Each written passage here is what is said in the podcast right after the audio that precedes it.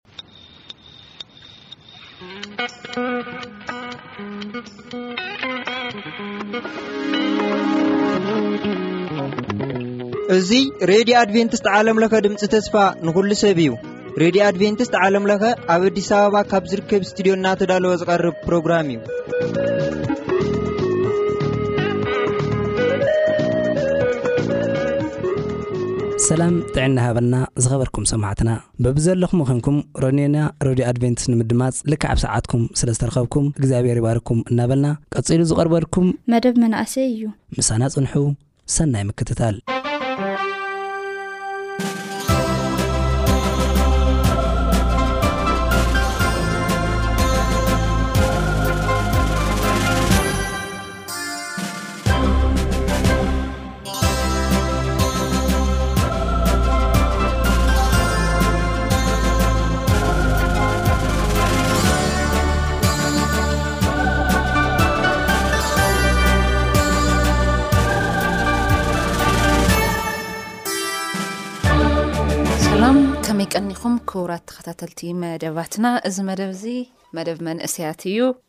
እዚ መደብ እዚ ሒዘልኩም ዝቐረብኩ ከኣኒ ኣነ ሳሌም ነጋሲ እየ ባርከስ እቲ መደብ ቅድሚ ምእታውና ሓቢርና ክንጽሊ ኢና ንጸልይ ነመስግነካ ቕንዑን ለዋህን ርህርህን ዝኾንካ ኣምላኽ ሰማይ እስካብ ሕጂ ስለ ዘይንዓቕካና ብምሕረት ዓይኒ እውን ስለ ትርእና ስለ ትርህርህና ነመስግነካ እምበኣርከስ ሓጢኣተኛታት ክንነሱ ቃልካ ከፊትና ክንመሃሃር ነሕዋትና ክነመሓላልፍ ክነብጽሕ ጎይታ ፍቃድካ ስለልኾነ ነመስግነካ ብኣርከስ እዚ መደብ እዚ ከፊትና ብንመሃሃር ናይ ህይወት መምህር ዝኾንካ ኣብዚ መደብ እዚ ንክትዓስል ንክትመላለስ ንሰማዕትና ጥያቄታቶም ከም ፍቃድካ ንክትምልስ ከኣ ንምሕጸነካ ኣይትፈለየና ስለ ሽሚሲልካ መኣዲ ነባርኸልና ኣሜን ብዝሓለፈ መደብ መንእሰያት ዘፍጥረት ምዕራፍ ሰለስተን ኣርባዕተን ብሓባር ርኢና ኔርና ካብታ ቆጽሊ ብምብልዖም ዘጋጠሞም መከራን ውርደትን ሕስረትን ሓቢርና ርኢና ኔርና። እምበኣርከስ ሕጂ ዞም ዘርኢ እዚኦም መቐጸልታ ዘለዎ ታይ ዓይነት ውርደት ከምዝተሸከሙ እቲ ዘርኢ ንሱ እንዳወሰኸ ብዝኸደ ቁጽሪ ከኣ ታይ እንታይ ከምዝኾኑ ዝብል ኣብ ምዕራፍ ሓሙሽተን ሽዱሽተን ሓቢርና ክንርኢ ኢና። ኣብ ምዕራፍ ሓሙሽተ እንታይ ይብል መሲልኩም? ካብዞም ምስ ሽዑ ዝነብሩ ዝነበሩ ሰባት ኣብ ምድሪ እዞም ዘርኢ ዘርዘርኩልኩም ደቂ ኣዳም ማለት እቶም ትኽክለኛ ደቂ እግዚኣብሔር ዝተባህሉ ዓሌት እዮም። ቃኤል፣ ላሜክ ምናምንስ ደቂ ሰባት እዮም፣ ዘርኦም ሰብ ዘይቑጸር እዩ። ምኽንያቱ ብኣሰር እግዚኣብሔር በቲ ናቱ ሓሳባትን ጥያቄታትን ስለ ለይነብሩ ኣብኡ ዘይተጻሓፉ እዮብቲ ናይ ኣዳም ዘርኢ። ደሓር እንታይ ይብለና ኣብዚ? ንማትሷላ ምስ ወለደ ኣካይድኡ እንታይ ገበረ ይብል? ምስ እግዚኣብሔር ምክንያቱ በቲ ሽዑ ሰዓት ሰብ ከም ድላዩ ከምዚ ሕጂ ከም ድላዩ ልጓዓት ሰብ ተደልዩ እግዚኣብሔር ለየብሉ ይነብር ተደልዩ ገለ በቲ ሽዑ ሰዓት እግዚኣብሔር ለየብሉ ህይወት ምንባር ጀሚሮም ካብኡ ማቱሳላ ድማ ሰማንያን ሸውዓተን ዓመት ምስ ገበረ ላሚህ ወለደ ማቱሳላ ንላሚህ ምስ ወለደ ብድሕሪኡ ሸውዓተ ሚእትን ሰማንያን ክልተን ዓመት ነበረ ኣወዳት ነወለድን ከዓ ወለደ ማቱሳላ ዕድሚኡ ትሸዓተ ሚእትን ሰላሳን ትሸዓተን ዓመት ኮነ እሞ ሞተ ይብል ሽዑ ማቱሳላ ልመን ወሊዱ ን ላሚህ ወሊዱ። ሽዑ እዛ ምድሪ ንሳ ኢለኩም እየ ከም ድላይ ካብ ምንባር ሽዑ ታይ ምዃን ጀሚሮሞ ሲልኩም ቶም ደቂ ሰብስ ምስ ደቂ ኣምላኽ ምውሳው ጀም ትዝሕዝን ማለት እዩ ቶም ደቂ ሰብ ተኣዮም ዝገብሩ ስርዓት ኣልባ እዮም ፋሉላት እዮም ሕጊ ዝበሃል ኣይፈልጡ እዩ ሽዑ ታይ ይብለው ዝላሜህ ሚእትን ሰማንያን ክልተን ዓመት ምስ ገበረ ወዲ ወለደ ኣብዛ እግዚኣብሔር ዝረገማ ምድሪ ካብ ኹሉ ስራሕና ከቢድ ጻዕርና ክዕርፈና እዩ እንትብል ኖህ ኢሉ ስም ሰመዮ እዩ ኣብታ ዝተረገመድ ምድርስ እግዚኣብሔርስ ክዕርፈና እዩ ኣይገርምይ ዝዕርፍ ሰብ ከኣ እዩ ተወሊዱ ሽዑ ኖህ ተወሊዱ ላሜህ ንኖህ ምስ ወለደ ብድሕሪኡ ሓሙሽተ ሚእትን ቴስዓን ሓሙሽተን ዓመት ነበረ ኣወዳትን ኣጓላትን ወለደ። ላሚሕ ዕድሚኡ ሸውዓተ ሚእትን ሰብዓን ሸውዓተን ዓመት ኮነ እሞ ሞተ ይብል። ኖህ ከኣ ሓሙሽተ ሚእቲ ዓመት ምስ ኮነ ንሴም፣ ንካም፣ ንያፊት ወለደ። ከምዚ እንዳበለ ምስ ኸደኸ እግዚኣብሔር ነዚ ህዝቢ እዚ ስቑኢሉ ምጥማት ኣቸጊርዎ። እቶም ኣብኡ ዝነበሩ ደቂ እግዚኣብሔር ምርር ኢልዎም በቃ። ምኽንያቱ ክምህለሉ ጀሚረ ኢለኩም ነይረ እየ ኣብቲ ዝሓለፈ ትምህርትና ግን ዋላ ሓደ ቅንዕ ኢሉ ክጥምት ዝኽእል ኣብ እግዚኣብሔር ተሳኢኑ ብዘይካ ደቂ እዞም ደቂ እግዚኣብሔር እንሆ ሰብ ኣብ ልዕሊ ምድሪ ክበዝሕ ምስ ጀመረ ኣጓላት ከዓ ተወለዱሎም እቶም ደቂ እግዚኣብሔር ድማ ነተን ኣጓላት ደቂ ሰብ መልክዐኛታት ምዃነን ምስ ረኣዩ ካብተን ዘዝመረፅወን ኣንስቲ ወሰዱ እግዚኣብሔር ከዓ ሰብ ሥጋ እዩ እሞ መንፈሰይ ንሓዋሩ ኣብኡ ኣይነብርን ዕድሚኡ ድማ ሚእትን ዕስራን ዓመት ይኹን ኢሉ ቀኒስዎ። ክንደይ ቀኒሱ መሲልክ ካብ ትሽዓተ ሚእቲ ምናምንስ ሸውዓተ ሚእቲ ምናምን ዕድመ ቀኒሱሎ። በቲ ዘመን እቲ ከምኡ እውን ብድሕሪኡ ኣብ ምድሪ ንፍሌም ዝበሃሉ ሰባት ነበሩ። ደቂ እግዚኣብሔር ናብተን ኣጓላት ደቂ ሰብ ኣተዉ፣ ንሳተን እውን ወለዳሎም። እዚኣቶም እቶም ኣብ ጥንቲ ስሙያት ዝነበሩ ጀጋኑ ሰባት እዮም፣ እቶም ነፍሊም ታቦት እዮም። እግዚኣብሔር ከዓ ክፍኣት ሰብ ኣብ ምድሪ ከም ዝበዝሐ ብልቡ ዝምነይ ሓሳባት ድማ ኩሉ ሻዕ ክፉዕ ጥራሕ ከም ዝኾነ ረኣየ፣ እግዚኣብሔር ከዓ ንሰብ ኣብ ምድሪ ብምፍጣሩ ተናስሐ። ብልቡ እውን ሓዘነ። እግዚኣብሔር ነቲ ዝፈጠርክዎ ሰብ ካብ ሰብ ክስካዕ እንስሳ ክስካዕ ለመም ዝብል ክስካዕ ኣዕዋፍ ሰማይ ካብ ገጽ ምድሪ ከጥፍኦም እየ ስለ ዝፈጠርክዎም ተናሲሐ እየ እሞ በለ። ኖህ ግን ኣብ ቅድሚ እግዚኣብሔር ሞገስ ረኸበ። ኖህ ብትውልዱ ጻዲቅን ቅኑዕን ሰብ ነበረ። ኖህ ኣካይድኡ ምስ እግዚኣብሔር ገበረ። ኻልኣይ ሰብ ረኺብና። መን? ድሕሪ ሄኖክ ኖህ ረኺብና። ምድሪ ኣብ ቅድሚ እግዚኣብሔር ብሓጢኣት ተበላሽያ ነበረት። ምድሪ ኸዓ ብዓመጻ መሊኣ ነበረት። እግዚኣብሔር ድማ ንምድሪ ረኣያ፣ ንሳ ኸዓ ተበላሽያ ነበረት፣ ሥጋ ዝለበሰ ኣካይድኡ ኣበላሽዩ ነበረ። ኣምላኽ ድማ ንኖህ ናይ ኵሉ ሥጋ ዘለበሰ ፍጻሜ ኣብ ቅድመይ በጺሑ ኣሎ፣ ብሰንኮም ምድሪ ንዓመጻ መሊኣ እያ እሞ፣ እንሆ ኣነ ንኣኣታቶም ምስ ምድሪ ከጥፍኦም እየ። ንስኻ ግና ብዕንጸይቲ ጐፈር መርከብ ሥራሕ፣ ነታ መርከብ ክፍልታታ ግበረላ፣ ውሽጣን ደጊኣን ከዓ ብቕጥራን ለምጻ። ንውሓታ ሰለስተ ሚእቲ እመት፣ ስፍሓታ ሓምሳ እመት፣ ቁመታ ድማ ሰላሳ እመት ጌርካ ስርሐያ። ነታ መርከብ ኣብ ላዕላያ ሓደ እመት ዝቑመታ መስኮት ግበረላ። ኣፍ ደገ እታ መርከብ ድማ ብጎደና ብጎና ግበሮ። ታሕተዋይን ካልኣይን ሳልሳይን ደብሪ ግበረላ። ኣብ ትሕቲ ሰማይ ህይወት ዘለዎ ዅሉ ፍጡር ምእንቲ ኺጠፍእስ፣ እንሆ፣ ኣነ ማይ ጥፍኣት ናብ ምድሪ ኸምጽእ እየ፣ ኣብ ምድሪ ዘሎ ዅሉ ኸዓ ኪመውት እዩ፣ ምሳኻ ግና ኪዳነይ ከቕውም እየ፣ ንስኻን ደቅኻን ሰበይትኻን ኣንስቲ ደቅኻን ሒዝካ ናብ መርከብ ክትኣቱ ኢኻ፣ ምሳኻ ብህይወት ምእንቲ ኽነብር፣ ካብ ኵሉ ዓይነት ከክኽልተ ናብ መርከብ ኣእቱ፣ ተባዕታይን ኣንስታይን ይኹኑ፣ ካብ ዚብላዕ ኵሉ ዓይነት ብልዒ ድማ ንኣኻ ንኣታቶም ቀለብ ኪኸውን፣ ኣእቲኻ ኣብታ መርከብ ኣክቦ፣ በሎ። ኖህ ድማ ከምቲ ዅሉ እግዚኣብሄር ዝኣዘዞ ገበረ። እግዚኣብሄር ንኖህ፣ ኣብዛ ትውልዲ እዚኣ ኣብ ቅድመይ ጻዲቕ ኰይንካ ረኺበካ እየ እሞ፣ ምስ ኵሉ ቤተ ሰብካ ናብ መርከብ እቶ። ካብ ኵሉ ንጹህ እንስሳ ሸሸውዓተ ተባዕታይ ኣንስታይ፣ ካብ ኵሉ ዘይንጹህ እንስሳ ግና ከክኽልተ ተባዕታይ ኣንስታይ፣ ካብ ኣዕዋፍ ሰማይ ድማ ምእንቲ፣ ኣብ ልዕሊ ዅሉ ምድሪ ንዘርእይ ኪዀኑ ብህይወት ኪነብሩ ሸሸውዓተ ተባዕታይ ኣንስታይ ምሳኻ ውሰድ። ኣነ ድሕሪ ሸውዓተ መዓልቲ ኣብ ምድሪ ኣርብዓ መዓልቲ ኣርብዓ ለይቲ ዝናብ ከዝንም እየ፣ ነቲ ዝፈጠርክዎ ዅሉ ህይወት ዘለዎ ድማ ካብ ገጽ ምድሪ ኸጥፍኦ እየ በሎ። ኖህ ድማ ኸምቲ ዅሉ እግዚኣብሄር ዝኣዘዞ ገበረ። እቲ ማይ ጥፍኣት ኣብ ምድሪ ኪመጽእ እንተሎ ኖህ ዕድሚኡ። ሽዱሽተ ሚእቲ ዓመት ነበረ። ኖህን ደቁን፣ ሰበይቱን ኣንስቲ ደቁን ከዓ ምስኡ ካብ ማይ ጥፍኣት ክድሕኑ ናብ መርከብ ኣተዉ። ካብ ንጹህ እንስሳ ካብ ዘይንጹህ እንስሳ ካብ ኣዕዋፍ ኣብ ምድሪ ካብ ዝንቀሳቐሱ ኩለን ከምቲ እግዚኣብሔር ንኖህ ዝኣዘዞ ከክክልተ ተባዕታይን ኣንስተይትን ናብታ መርከብ ኣተዉ። ድሕሪ ሸውዓተ መዓልቲ ድማ ማይ ጥፍኣት ናብ ምድሪ መጸ። ኣብ መበል ሽዱሽተ ሚእቲ ዕድመ ኖህ፣ ኣብ መበል ዓሰርተ ሸውዓተ መዓልቲ ናይታ ካልኣይቲ ወርሒ፣ በታ መዓልቲ እቲኣ ኣብ ትሕቲ ምድሪ ዘሎ ዓይኒ ማያት ገንፈሉ፣ መሳዅቲ ሰማይ ድማ ተኸፈቱ። ኣብ ምድሪ ኸዓ ኣርብዓ መዓልትን ኣርብዓ ለይትን ዘነመ። በታ መዓልቲ እቲኣ ኖህን ደቁን ሰበይቱን ኣንስቲ ደቁን ናብ መርከብ ኣተዉ፣ ዅሎም ኣራዊት በብወገኖም፣ ኵሎም እንስሳ በብወገኖም፣ ዅሎም ኣብ ምድሪ ዝንቀሳቐሱ በብወገኖም፣ ኵሎም ኣዕዋፍ በብወገኖም፣ ክንፊ ዘለዎም ኵለን ናብ መርከብ ምስ ኣተዉ፣ ህይወት ካብ ዘለዎ ዅሉ ፍጡር ከክኽልተ ናብ ኖህ ናብታ መርከብ ኣተዉ። እቶም ዝኣተዉ ድማ ከምቲ እግዚኣብሄር ንኖህ ዝኣዘዞ ስጋ ካብ ዘለዎ ዅሉ ተባዕታይ ኣንስታይን ኣተዉ። ኖህ ናብታ መርከብ ምስ ኣተወ እግዚኣብሄር ነታ መርከብ ብድሕሪኣ ዓጸዋ። ማይ ጥፍኣት ድማ ነርብዓ መዓልትን ኣብ ምድሪ ዘነመ፣ እቲ ማይ ከዓ በዝሐ፣ ነታ መርከብ ድማ ኣልዓላ፣ ካብ ምድሪ ከዓ ንላዕሊ ፀለል በለት፣ እቲ ማይ በርትዐ፣ ኣብ ምድሪ እውን የመና በዝሐ፣ እታ መርከብ ድማ ኣብ ልዕሊ ማይ ፀለል ትብል ነበረት፣ እቲ ማይ ኣብ ልዕሊ ምድሪ እናበርትዐ ኸደ፣ ኣብ ትሕቲ ሰማይ ዝነብሩ ዅሎም ነዋሕቲ እምባታት ከዓ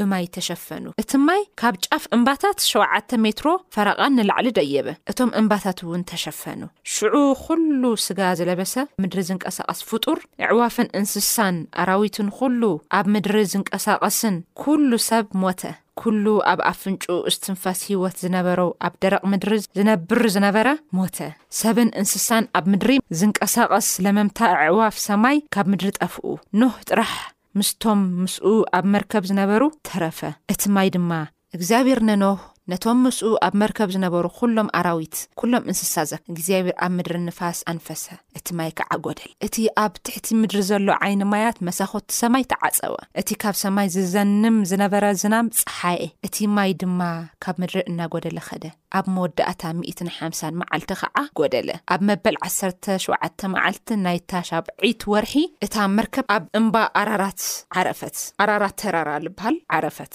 እቲ ማይ ከዓ ክስካዕ ዓስረይቲ ወርሒ እናጐደለ ኸደ፣ በታ ቐደመይቲ መዓልቲ ዓስረይቲ ወርሒ ከዓ ጫፋት እቶም እምባታት ተረኣዩ። ድሕሪ ኣርብዓ መዓልቲ ድማ ኖህ ነቲ ኣብ መርከብ ዝሰርሖ መስኮት ከፈተ፣ ንውዃኽ ድማ ሰደዶ፣ ንሱ ኸዓ እቲ ማይ ካብ ምድሪ ክስካዕ ዝነጽፍ ነየን ነዘን ይብል ነበረ። ድሕርዚ ድማ ማይ ካብ ምድሪ ጐዲሉ እንተ ዀይኑ ክትርኢ ኢሉ ርግቢ ሰደዳ። ኣብ ኵላ ምድሪ ማይ ስለ ዝነበረ ግና እታ ርግቢ እእጋራ እተዓርፈሉ ኣይረኸበትን፣ ስለዚ ናብኡ ናብ መርከብ ተመልሰት። ኢዱ ዘርጊሑ ድማ ተቐበላ፣ ናብኡ ናብ መርከብ ከዓ ኣእተዋ። ሸውዓተ መዓልቲ ጸኒሑ ድማ ኖህ ነታ ርግቢ መሊሱ ካብ መርከብ ሰደዳ። ኣጋ ምሸት ምስ ኮነ እታ ርግቢ ናብ ኖህ ተመለሰት፣ እንሆ ኸዓ ልሙዕ ቖጽሊ ኣውሊዕ ኣብ ኣፋ ሒዛ ነበረት። ሽዑ ኖህ ማይ ካብ ምድሪ ከም ዝነጸፈ ፈለጠ። ከምኡ ኻልእ ሸውዓተ መዓልቲ ጸኒሑ ነታ ርግቢ ሰደዳ፣ ብድሕሪኡ ግና ናብ ኖህ። ኣይተመለሰት ኣብ መበል ሽዱሽተ ሚእትን ሓደን ዕድመ ኖህ ኣብ ቀደመይቲ ወርሒ ካብታ ወርሒ ድማ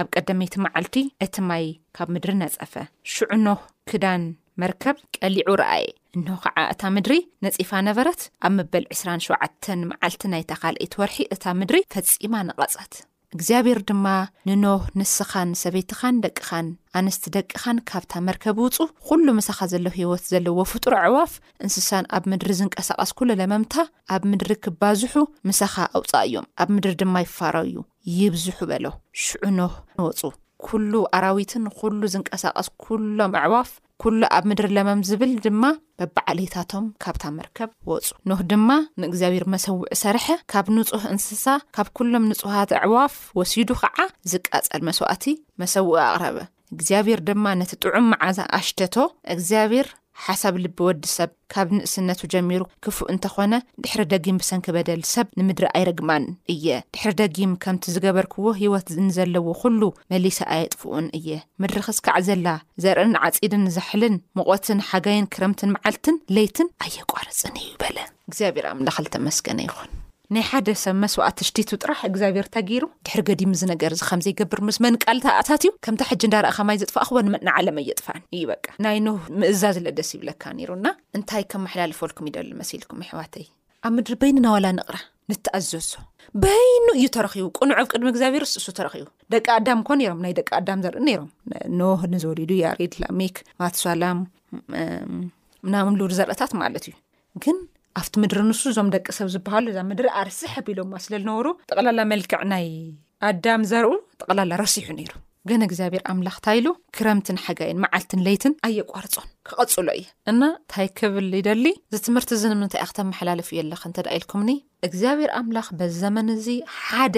ሓደ ብስነ ስርዓት ዘገልግሎ ብስነ ስርዓት ዘገልግሎ ክሰምዖ ዝደሊ ሰብ ይደሊ መምባር ክስታይ ኢና ክንገብር ዘለና ንሕና ክንሰምዕ ናብታ መርከብ እተው ኢና ንብሃል ዘለና ናብታ ዘይተጥፍእ መርከብ ሚእቲ ዕስራይ ዓመት ምሉእ ተሰዊኹሎም ዝናብ ብማይ ከጥፍኦኩም ይግደፉኩሎም ከሎ በቲ ሽዑ ሰዓት ምድሪ ናይ ባዕላ ጠሊ ነይርዋ ብላዕሊ መፅኡ ክዘንብ እዩስ ለይሎ እዩ ሕጂ ብላዕሊ ሓዊ ክዘንብ እዩ ተይተባልካሽ ዋስዑልካ ደቐሉ እዩ ዝናብ ኢሉ ዘንብ እምበር ሓወይ ዘንብ እዩ ትብል ኢኻ ግን እግዚኣብሔር ተኣዚዙ ስደይከውን ነገር የለይ ከተማታት ጠፍኤን እየን ሓቀይ ዶ ንዒቖሞ ግን በቲ ሽዑ ሰዓት ናይ ኖህ መርከብ ተጨኒቑ ክኸውን ይኽእል እዩ ሽዑ ክፈት ክፈት ጠፊእና ልብል ክንደይ ጥርዓናት ነይሩ ክኸውን ይኽእል እግዚኣብሔር ኣብቲ ተዛሪብካ ከትሰምዖ ዝግበአካ ተዘይሰሚዕኻዮ እግዚኣብሔር እውን ዘይሰምዐሉ ሰዓታት ኣሎ ጠፊኦም እርግጠኛ እየ እንዳቐለዱ ጸኒሖም እዚ ማይ እንዳደየበ ምስ መጸ ለገርም ለኾነ ድንጋጸ ፈጢርሎም መጨረሻ ግን መልሲ ዝምልሰልካ ኣካል እውን ለየለሉ ሰዓት በጺሖም ጀስት ጠፊኦም ኣብ ምድሪ በይንኻ ዋላ ቅረ ንእግዚኣብሔር ተኣዘዝ ኣብ ምድሪ ሲ በቃ ኣካይዱስ ምስ እግዚኣብሔር ገበረ ኢልብል ንኖ ንሄኖክ ሴት ሄኖስ እዚኦም ኩሎም ዘም ደቂ እግዚኣብሔር ማለት እዩ ኣካይድኦም ምስ እግዚኣብሔር ገይሮም ዓሪፎም ተወዲኦም ብናይ ኖህ ዘመን ግን እቶም ደቂ እግዚኣብሔር ከይቀረዩ እቶም ኣወዳትስ ካብ ናይ ደቂ ሰባ ጓላትስ ክወስዱ ጀሚሮም ሽዑ እቶም ነፍሌም ካብ ደቂ እግዚኣብሔርን ካብ ደቂ ሰብን ዝተፈጠሩ ዓሌት ስለ ዝነበሩ ጉልበተኛታት ገዘፍቲ ሰባት እዮም ነይሮም ጦረኛታት እዮም ጀጋኑ እዮም ነይሮም ጅግንነቶም ግን ያው ያው ንፅድቂ ደይኮነስ ከምዚ ስቕልካ ተድበሃል ነገር እዩ እናታይ ይብለና ሓደ ሰብ ልእዘዝ ተሳኢኑ ኣብ ምድሪ ሲ ኢሎ ለሽትቶ ቅኑዕ ዝኾነ መስዋእት ዝስውእሉ ተሳኢኑ ሓደ ግን ተረኺቡ ነሁ ዝበሃል ግደፉ ግደፍ ወይ ትላገፁ ስምዑ ክብሎም ከሎ ልምንታይ ለይሰምዑ ግን ልኸይሰምዑ ልገብሮም ደሎ ታይ እቲ ናይ ዓለም ብልጭልጭ ሙቺ ንክብለካ ይገብረካቲ ካሊእ ሓይሊ ፅቡቅ ኢካ ደለካ ይትንቀሳቀስ ኣብ ኣፍካ ደለካ እያ ኮንካ ፅንሕ ስቅ ኢሎም እዮም ጋዕ ገልጠም እዮም ደብዝሑ ዘለዉ እምበይ ኣብዚ ኮንካ ተተጸበኻዮ ለጸገም የብሉ እግዚኣብሔር ያው ክበጽሕ ይኽእል እግዚኣብሔር ኣብ ዝልርከበሉ ቦታ ተለይሃሊኻ ኣብዚኣ ኣተ ክብል ኮን የሰምዑይ ስለ ዘፍታ መርከብ ዝኣተው ጥራሕ ሓልይዎ ኖህ ልብል ኮ ነይሩ ኮ ይኸውን ሽዑ እሞኻ ኖህ መቸም ከፋትን ዓጻይን ኣይኮነን ናይ ሞትን ናይ ህይወትን ከፋት መን እዩ እግዚኣብሔር ጥራሕ እዩ እግዚኣብሔር ቀረባ እንዳሃለዩ ድለይዎ ሓቀ ይብል መጽሓፍ ቅዱስ ቀረባ እንዳሃለዩ ድለይዎ ዝርሐቀሉ ሰዓታት ዘሎ ኣብ ምድሪ ኣንሕና በዝሒ ሰብ ስለ ዝተኸተሉ ስለለይተኸተሉ ለይኮነ ናይ ብሓቂ ብሓቅን ብመንፈስን እግዚኣብሔር እንዳተኣዘዝና ኣብቲ መርከብ ክንኣቱ ክንኽእል ኣለና ብዙሓት ፀገማት ብዙሓት ዘይምርዳእ ብዙሓት ውጣውረድ ከጋጥሙና ይኽእሉ እዮም የስ ግን ኖህ ንዝ ኹላይ እዚ ንዚ ዓብዪ ዓወት ዝበፅሖ ልሙፅ መገዲ ከይዶ ኣይኮነ ብዙሕ መከራታት ሕሊፉ እዩ ስለዘንሕናታ ንገብር ኣለና እግዚኣብሔር ዘሽትቶ ሂወት ክህልየና ክኽእል ኣለዎ ደስ ድብሎ ግን ዘገርም ድሕሪ ገዲም ዘይገብሮ ነገር ቃልኣት እዩ ክረምትን ሓጋይን ፅድያን ሲዝናት ዞም ወቅትታት እዚኦም ኣይቅይሮምን ከም ደለዉ ክገብሮም እየ ድሕር ገዲም ኣነ ኣብ ወዲ ሰብ እንዳበደለ ምንባር ስርሑ ስለዝኾነ ኣነታ የገብርን ኢሉ ድሕር ገዲምስ መዓተይስ ኣይወርድን ካብኡ ንድሓር እንታይ ኮይኑ ይብልን ምድሪ ብምልኣ ጠፊኣ ይብልን ዓለም ብምሉእ ከምቲ ብናይ ኖህ ግዜ ዝነበረ ኣይኮነይ ካብኡ ለለታ ጊርዎ ተቐኒሱ ዕድመ ትሽዓተ ሚእቲ ምናምን ምናምን ዝነረ ሚእቲ ዒስራይ ዓመት ገይርዎ ሰብ እዚ ክንዲዚ ዕድመ ተነዊሩ ከምዚ ኢሉ ጎራሕን ጨካንን ክፍኡን ለኾነሲ ብዚ ዕድመዝስ ሃመይ ኢሉ ተተወሲኹ ዳእታ ይኸውን ስለዚ ክቕነሰሉ ክኽእለለሉ ወል እንታይ ገይርዎ ቀኒሱሉ ስለዚ ንሕና እታ ክንገብር ይመኽረና ደሎ እቲ ቃል ኣምላኽ እዚ ንኸይንእዘዝ ዝገብረና ብዙሓት መከራታት ጸገማት ክንሕልፍ ንኽእል ኢና እቲ ዝበለጸ ግን ንምረጹ ኣካይዳና ምስ እግዚኣብሔር ተጌርና ኩሉ እግዚኣብሔር ከጸብቆ እዩ እንታይ ይብለና ኣንሕና ተጊህና ተጊህና ክንሰርሕ ክንኽእል ኣለና ኣካይድኡ ምስ እግዚኣብሔር ገበረ ልብል የለይ ክፉእ ሓሰበ ጥራሕ ልብል እዩ ክፉእ ሓሰበ ጥራሕ ልብል እዩ ዘሎ ካልእ ነገር የለይ ሞታ ኣይና ክንገብር ከምቶም ሰባት ዝገበርዎ ከምቶም ደቂ ሰብ ዝገብርዎ ዘይኮነማ ከምቶም ደቂ እግዚኣብሔር ዝገብርዎ ንግበር ንኣና ትሕልው መርከብ ከዘጋጅ እዩ ብሓይሊ ዋላ ተዝመፅት መጥፍኢ ትኽፍኡ ክንሓስብ ክንጭክን ገለመለ ከይንእዘዝ ዝገብረና ደሎ እግዚኣብሔር ሽዑ ከስተኻኸለና እዩ ግን ሓደራኻትኩም ሕጂ ዋላ እግዚኣብሔር ሱቕ ተበለ ኣይ ብናይ ኖህ ግዜ ስለለይ ጥፍአ ዝዘመና እዚ ናይ ምሕረት ዝዘመና እዚ ናይ ምሕረት ግዜ ስለዝኾነ እግዚኣብሔር መሓሪ ንቕልድለና እንተ ደኣ ኮይንና ግደፉ ሞት እውን ኣሎ ሞት እንዳመፀ የብልዓካ እዩ እግዚኣብሔር እስካብ ትእዘዝ ይፅበየካ ተለይኮነ ዕድመካ ክትቕፅል ኣይፈቅድ ምክንያቱ ዝዕድመ ዝሂውካ ተለይገልጊልካየ ወሲኹ ካለ እንታይ ከም ትገብር ይፈልጥ እዩ ትሽዓተ ሚእቲ መን ምናምን ዓመት ነዊሮም ኣብ ቅድሚ እግዚኣብሔር ውሕዳት ሰባት እዮም ተረኪቦም መወት ዝረኸቡ ስለዚ እታ ክትኾኑ ኣለኩም ሞት ዝበሃል ኣሎ እሽ እቲ መቕዘፍተ ይውረድ ከምዚ ሞት ብልዕ ለብላ ልነብረ በቲ ሽዑ ሰዓት ዝነብረ ናይ ግዜ ኣይውረድ እሽ ድሓን መዓዘይ ከም መውት ፈልጥ ናትና ዕድመ ክስካ ክንደይ ምዃኑስ ታይ ንፈልጥ እታ ዕድመስ ምስኡ እያ ደላ ስለዚ ኣሕዋተይ ኣነ እታ ከመሓላልፋልኩም ይደሊ ግደፉ ኣይንቐልድ ናብቲ መርከብ ንእተ ከጥፋኣ እዩ እዛ ምድሪ ብሓዊ ክትጠፍእ እያ ብሓውስ ክትጠፍእ እያ እግዚኣብሔር ናይ ምሕረት ኣምላኽ ኮይኑ እምበይ ግልፂ እየ ክነግረኩም ከምዚ ናትና ግዜ ዘድልየሉ መቕዘፍቲ የለይ እንታይ ኢና ንኸውን ደለና ስከረ እወት ናትና ግዜ እንታይ ዝኸውን ኣብ ወዲ ሰብስ ቁኑዕ ነገር ኣይርከብን እንስሳት ቦሊፆምና እሶም ይርህርሁ በቃ ዝኾነ ተለይ ንኽኢኻዮም ይነኽኡኻይ ወዲ ሰብ ግን ዝተፈጠረሉ ማንነት ቕላል ኣርሒቑ እግዚኣብሔር ኣፍ ዘይብሉ ደይመስለኩም እስካ ሕጂ ዘይቀፀዐ ናይ ምሕረት ኣምላኽ ስላልኩም ኣብዚ ምድሪ ዝተዘይተመችና ክርስትያናውያን ሰባት ንዘለኣለም ከቢርና ንነብሮ ደልስ ሰሪሑ ዘዘጋጅዩ ኣብኡ ከቢርና ክንነብር ኢና ግን በተለይ ሓደራ ልብለኩም ክፍኣት ኽፍኣት እዚ ናይ እግዚኣብሔር ልጸልኦ መንነት ነወግድ ጽንቂ ቅዲ ድብል ዘሎ ባህሪና በቃ ደሓን ገደፍዎ ግን ኣነ በቃ ኣየጸልኦኩም እዚ ከምዚ ዓይነት ናይ ቀደም ታሪካት ገለ ክንገር ከሎ ኣቃጸላ ብናትና ኮ መዓት መዓት ኮ እዩ መዓት ሓጢኣት ኮ እዩ ደለና ግን ንብድል መሊሱ ምሕረት ይለቅቕ ነጥፍእ እሕዋትና ንሕዝን እሕዋትና ንሓሚ እሕዋትና ንብድል ኣዴታትና ነነውር ኣቦታትና ነነውሮም ክብሮም ነሕስሮ እግዚኣብሔር ዝበሃል ፈጣሪ ነናእሶ የለ ናይ እግዚኣብሔር ኣብ ዝፈጠረና መንነት ተኾይኑ ዳ እግዚኣብሔር ለይፈድርድ ይቅልዱ እዮም ኔሮም ንሶምለ እግዚኣብሔር ክመጽእ እዩ ዋእዎ ክመጽእ ምድሪ ብምሉኣ ናቱ እንዲና እንታይ ደኣ ክኸይድ ብርዙሕ ላግጽ በቲ ሽዑ ሰዓት ግደፉ ክትጠፍኡ ኢኹም ካበይ ልመጽእ እኻ እንታይ ዓይነት ዘረባ ኢኻ ትዛረበላ ከኢሎም መሊሶምሉ እዮም ኣብዚ ግዜ እዚ ታይታይ ይግበር ኣለዋ ዓለምና እግዚኣብሔር የወርደለይ ድዩ ነገርም ነገራት ኣይንርእይ ደለና ከተማታት ብሓውን ብማይን የጥፍኦም ይኾነ ደሎ ንርኢ ኣለና እኮ ኢና ዓለም ብምልኣወላ ተለይ ጥፍኣ ግዜ ግን ኣለዎ ግደፉ ኣብቲ ናይ መጨረሻ ጥፍኣት ከይንቋደስ፣ ኣብቶም መርከብ ዝኣተዩ ሞጎስ ኣብ ቅድሚ እግዚኣብሄር ዝረኽቡ ሰባት ክንኸውን ኢና፣ ኣነይ ንስኹምን ተዓዲምና። እዚ ከኣ ክኸውን እዩ። ተኣሚንናዮ ኣብታ መርከብ እእትዩ ዓበይቲ ሽልማት ክህበና እዩ። ጸገም የብለይ ዝኹን ግን መሓሪ ምዃኑ ግን ፍለጥዎ እግዚኣብሄር ኣምላኽ ኣይንላገጸሉ ስለ ስለቲ ስለቲ ዝግበር ደሎ ብትሕትና ልህበና ደሎ ምሕረትሲ ይኣኽለካ እኳ ንብል ክንደይ ግዜ ይቕረ ይብለሉ ንዚ ንብል እግዚኣብሔር ከም ኣይሉ ተዛሪቡ እንተኾይኑ ንደራደር ኣይብል እዩ እዚ ኣብ በዲልኩምሉ ነርኩም ኣየበለይ ስካ ሕጂ ስለዚ ኣነ ሕዋትት ኣይክብለኩም ጥፍኣት ዕንወት ክበሃል ከሎሲ ከፅለእካ ብሒሳብ ክትሰርሖ ስቁኢልና ኣብ ምድሪ ሰባት ስለ ልሰዓቡ ሰባት ስለ ልተኸተሉ ኣይኮነይ ኣንሕናን ሰማይን ምድርን ዝፈጠራ ካሊእ ሓይለ የለይ ንኡ ንምብርከኽ ንኡ ንሰግድ ንኡ ንነብር ንኡ ብንምብርከኽ ከበድቲ ሓይልታት ክመፁ ይኹም ፀገም የብልኩም እዩ እግዚኣብሔር ኣሎ ነዚ መርከብ ማዕበል ክለዓል እንከሎ ነጀው ነጀው ብትብል ክትሰምጥ ብትብል ኣመለኻኽታይ ኣባኻ ብዝዝሕትል ብዝኸብደኒ ፀገም የሉ ሽዑ እግዚኣብሔር ኣምላኽ እንታይ ከም ዝኸውን ትርእይዎ ኢኹም ንኣኹም ይስለፍ ንኣኹም ክወፅ እዩ ዘለኣለም ዝበሃል ሂወት ኣሎ ምስ እግዚኣብሔር እቲ ቀደም ዝመጀመርያ ዘፍጥረት ክጅምረ ከለኹ እቲ ንግሆ ቀትሪ ምሸት ናይ እግዚኣብሔር ድምፂ ዝሰምዕ ዝነበረ ኣዳም ኣብዚ ምስ መፀ ግን ኣይንገረን እቲ ናይ መጀመርያ ብክሮዱስ ቀታሊ ወዱ ኮይኑ ዝብል ድምፂ ሰሚዑ እቲ ብጉሓቱ ናይ እግዚኣብሔር ድምፂ ልሰምዕ ነበረ ኣዳም ደቅካ ተቀታቲሎም ልብል ድምፂ ሰሚዑ እዝስ ከሚልና ንመርፆ ዛዓለም እዚ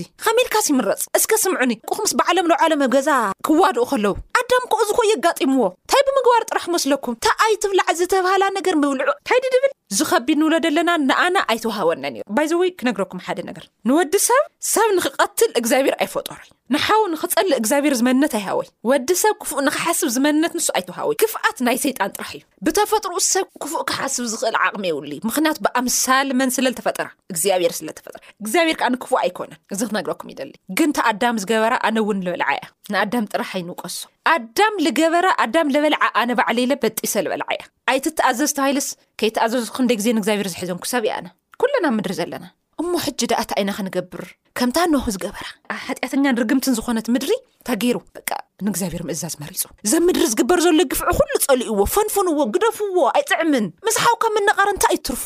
ካብታ ተኽሊ ንሳ ምስ ወልዑ እንታይ እዩ ገይሩ ብጣዕሚ ተመኪሓ ለወለደቶ ውላዳስ ቀታሊ ወዳ ኮይኑ ኣቱም ብኻሊእ እኮ ኢለ ይጅምር ብባዕልና ኢዩ ልጅምር ባዕልና ንባዕልና ክንጣፋእ ኢዩ ልገብረና ኣነ ክነግረኩም ሽዑ እግዚኣብሔር ኣይተቆጠዐ ድዩ ብማይ ኣይጥፋኣይ ድዩ እታ ከተማ ብዓለም ን ዓለም ተዋዲኦም ስረኡዮም ብማይ የጥፊእዋ ልብል ኣይተምሃርናይ ድና ሕጂ ብጣዕሚ ኢለ ጽልእ ናይ ደቅኻ ውርደት ክትርኢ ከለኻ ዘለናያ ዓለም እዚኣ እያ ዓዘቕቲ እያ ከመይ ኢልና ኢና ክንብህጋ ነዛ ዓለም እዚኣ ብኽዳን ድያ ሸዊዳትና ብቕርሺ ድያ ሸዊዳትና ብዝብላዕ ድያ ሸዊዳትና እንታይ እያ ትሪፋ ትዘትረፈቶ ግን ቃኤል ንኣቤል ምቕታል ጥራሕ እዩ ደም ሓው ምፍሳስ ጥራሕ እዩ ብጣዕሚ እዩ ዝሕዝን እዚ ከኣ የነውርን የዋርድን ይሕፍርን እዩ እሞ ምሕረት እንተብዝሐ ሰይትንዓቕዎ ንኣና ዝተተዋረደ ሰይንንዓቆ እግዚኣብሔር እውን እንዳ ሓጠና ሱቕ ተበለስ ተመሓረናስ ዓሻ ጌርናዮ ዓሻ ግን ኣይኮነይ ክንምለስ ስለ ዝፅበ ደሎ እዩ ተፀቢዎም እዩ እኮ ንኦምለ ዋ እግዚኣብሔር እኮ ጨካነ መንግስቲ እኮ ይኾነ የደለዎ ተፀቢዎም እዩ ለይዛረብ ተልኸው ነይሩ ተለየጠንቅቖም ነይሩ እንዳፈለጡ ግን ናፍታ ናይ ህይወት መርከብ ከኣትው ይደሎይ ናፍታ ጥፍኣት እዮም ከይዶም ኣሕዋተይ ልብና ይነትርር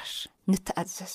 በተለይ ዝሕዋት ልትሕዋት ምጥፋእ ዝበሃል ሳይነስ ልኾነ ነገር እዩ ልበልዐኒ ልኣየይ ትንግሆ ናይ ኣደይ ፅቡቕ ዝኾነ ምረቓ ልሰምዖ ዝነበርኩ ትናይ ኣቦይ ፅቡቕ ዝኾነ ምረቓ ልሰምዖ ዝነበርኩ ይጠፍኡ እሞ በዓልና ልባዕልና ንጠረሻሸም ኣብቲ ገዛ እውይ ከመይ የፅልእ መሲልኩም ዝዓለም ካብዙስ እንታይ ኢና ክነትርፈሉ ኸመይ ኢልና እግዚኣብሔር ለለይ ምእዛዝ ንመርፅ በርቲዕና ምፅላይ እግዚኣብሔር ምድላይ ከድልየና ምትጋህ ከድልየና እዩ ብጣዕሚ ኢና ንችገር ደለና ኽፍኣት ናይ ወዲ ሰብ ሰማይ ጠቀስ እንዳበዝሐ እዩ ደሎ እምበኣርከስ ካብዚ መንገዲ ዝንመለስ ክፉኣት ኣይንኹን ኣይንተንኩል ኣብ ልዕሊ ከማና ለውሉ ፍጥረታት ክፉእ ኣይንሕሰብ እስካብ ሕጂ ካብቲ ዝተፈጠሩ ልዕላማ ዘይጠፍአ ተልህልው እንስሳ ጥራሕ እዩ በቃ ካብቲ ዝተወም ደረትስ ኣይሓልፉይ ሕጂ ግን ዕድል ተዋሂቡ እግዚኣብሔር ሕጂ እውን ክዛረብ ድልው እዩ ግን እግዚኣብሔር እንታይ እዩ ሕያዋ እዩ ርህሩህ እዩ ዓመፅናን ሓጢኣትናን ብኽብሩ ዝሽፍን እዩ ከይንዋረድ ዝሽፍነልና ዝኽልክለልና እዩ እምበር ከምቶም ማይ ዝጠፍኡ ጥፍኣት ዝግበአና ሰባት ዝነበርና ኢና ኖህ ኪዳን ኣትዩ ንምድሪ ኣይጥፍኣን ወቕትታ ተቀያይሮምን ከም ድለየ ኣይከውንን ሓደ ግዜ ሕገይን ቃለይን ኣንቢረ እየ እግዚኣብሔር ግን ካብዚ ከምዚ ዓይነት ኣትናየደለና መፈንጥራ ሓራ የውፅእን